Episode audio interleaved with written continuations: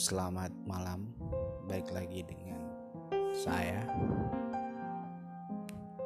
orang iseng yang main podcast hanya untuk sedikit berbagi tentang pikiran, ide, dan segala hal yang mungkin gak bisa saya keluarin di media lain. Mungkin karena saya juga terlalu malas untuk menulis ya jadi mungkin kalau katanya orang-orang modal mulut aja sih gitu loh. Ini jam 23.50 belum bisa tidur jadi saya iseng bikin, bikin uh, malam ini saya pengen berbagi cerita. Bukan berbagi cerita sih berbagi pikiran tentang teman saya yang mempunyai pekerjaan sebagai seorang maaf nih ya pekerja seks komersial. Saya kenal dia sudah cukup lama sebagai teman kuliah saya dulu. Dia sempat dibenci oleh teman-teman sekelasnya karena pekerjaannya. Karena tiap hari dia dipandang miring diantarin ya mobil-mobil yang berganti-ganti dengan maaf dengan pria yang lebih tua. I, mungkin saya iseng sedikit saya iseng kenalan sama dia bicara sama dia. Berhubung dengan uh, berhubung itu kalau nggak salah dapat tugas baru itu. Tugas tugas desain bareng Nirmana kalau nggak salah. Nah di situlah awal saya ngobrol dengan ini cewek. Satu hal yang menarik dari ini cewek adalah ketika kita sudah mulai ngobrol tentang hal lain. Dia nanya gini, bro, lu kenapa nggak benci gue? Saya bingung dong. Loh, kenapa gue benci lu? Lah, lu kan tahu pekerjaan gue bla bla bla. Dan teman-teman kelas juga ngejauhin gue karena pekerjaan gue.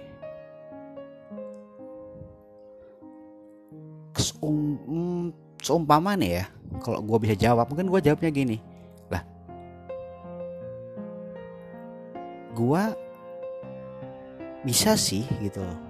Mungkin gue mungkin gue secara secara secara manusiawi sih gue mungkin gak setuju dengan pekerjaan lo gue nggak setuju dengan uh, komersial. Gue nggak nggak suka gitu loh. Tapi bukan berarti gue benci sama lo gue ngomong gitu.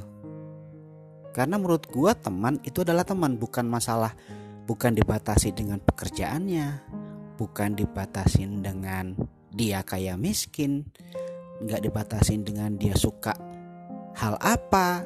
Berarti bukan berarti dia suka punya pekerjaan. Kalau begitu saya juga bisa ngomong dong kalau semua mah saya nggak suka sama cewek yang kerjanya marketing contoh. Kan bukan berarti gue benci sama orangnya. Gue cuma nggak suka aja gitu sama pekerjaannya. Dan di lain itu dan itu juga bukan ranah gue untuk menilai pekerjaan itu baik atau buruk. Itu pandangan saya. Gue ngomong gitu. Pandangan gue saya ngomong gitu kan. Ya. Gue kenal lu sebagai teman gue gue nggak pernah tahu lu gimana gimana. Itu urusan lu bukan urusan gue. Ya terus terang saya itu bukan orang tipikal yang terlalu ikut campur dengan menilai oh si A jelek oh si B jelek si C jelek karena pekerjaannya jelek bla bla bla. I don't give a fuck about them I don't give a fuck about their job. Saya cuma berpikir adalah saya manusia yang harus menghormati manusia lain. Selesai. Dan akhirnya singkat waktu kami sering ngobrol. Di situ saya baru tahu kenapa dia bekerja seperti itu. Katanya ayah ibunya sudah pergi dan dia merawat adiknya yang masih SMA untuk membiayai kuliah, membiayai sekolahnya. Dan dia juga membiayai dia untuk kuliah. Mungkin bagi sebagian orang itu adalah alasan ah ekonomi jadi begini jadi begini tolong dalam hati saya waktu itu ada sih teman-teman sekelas juga. Allah dia cuma alasan doang it. Dia cuma alasan ekonomi tapi ya bla bla bla bla. Saya ngomong lu pernah ngalamin hal seperti itu nggak? Nggak. Jadi jangan seakan jangan jadi gua langsung ngomong janganlah seakan-akan lu tahu jangan akan-akan lu sok tahu tentang kehidupan ini baik buruk itu jangan lu sok tahu. Karena gue tahu gitu loh. Gue kenalan sama adiknya dan adiknya itu mirisnya adiknya itu nggak tahu pekerjaan kakaknya. Ya ini cerita sekitar berapa tahun yang lalu. Pada saat saat kira-kira tahunnya dua tahun yang lalu gue tiba-tiba ketemu dia nih. Saya ketemu dia. Dengan suasana berbeda. Ya sudah lama kita nggak komunikasi karena mungkin aku juga saya juga lost kontak masalah teman-teman kuliah dulu. Dan wow. Sekarang dia berubah loh. Dia berubah menjadi ya seorang istri punya anak dan segala macam. Suaminya tajir mampus. Walaupun kalau orang mungkin langsung menilai ah dia tuh matre gini gini. Hey man.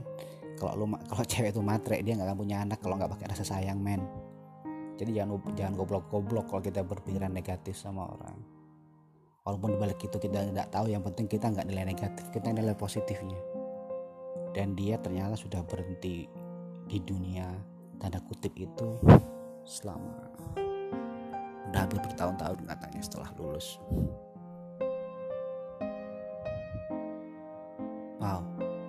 saya tanya apa yang buat kamu berubah? Dia cuma bilang gini. Ketika kamu menemukan orang yang percaya sama kamu dan berubah untuk berubah menjadi lebih baik, itu adalah titik balik di mana dia bisa berubah. Dan kebetulan itu adalah salah satunya adalah suaminya yang bisa menerima dia, mendengarkan dia,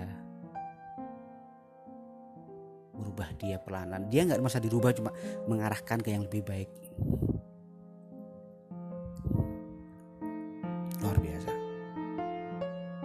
Jadi dia ngomong sama saya. Orang-orang yang jatuh di bawah yang lagi terjatuh yang lagi dihina yang lagi dengan pekerjaannya yang mereka hanya butuh satu orang yang percaya bahwa dia akan bisa menjadi lebih baik itu akan merubah dunianya. Dan saya percaya itu. Karena apa saya mengalami teman saya seperti ini sekarang terakhir saya dengar dia sekarang lagi akan pindah ke Prancis bersama suami dan keluarganya. Dengan bisnisnya dia yang dia suka dia masih tetap bisnis dia dia suka gambar. Jadi dia uh, semacam anak-anak desain interior. Jago banget dia. Itu keren banget. Dia bisnisnya dia sama suaminya suaminya mem wow Prancis men. Salut sama dia sama perubahannya. Mungkin kalau lo dengerin nih gue salut sama lo. Keren lo. Lo nggak pernah peduli sama label orang yang kasih ke lo tapi lo peduli tapi lo percaya sama diri lo sendiri menjadi lebih baik. Itu lebih berharga daripada dapat dapat orang bullshit di luar sana oke. Itu aja sih untuk malam ini. Saya permisi. Good night and good vibe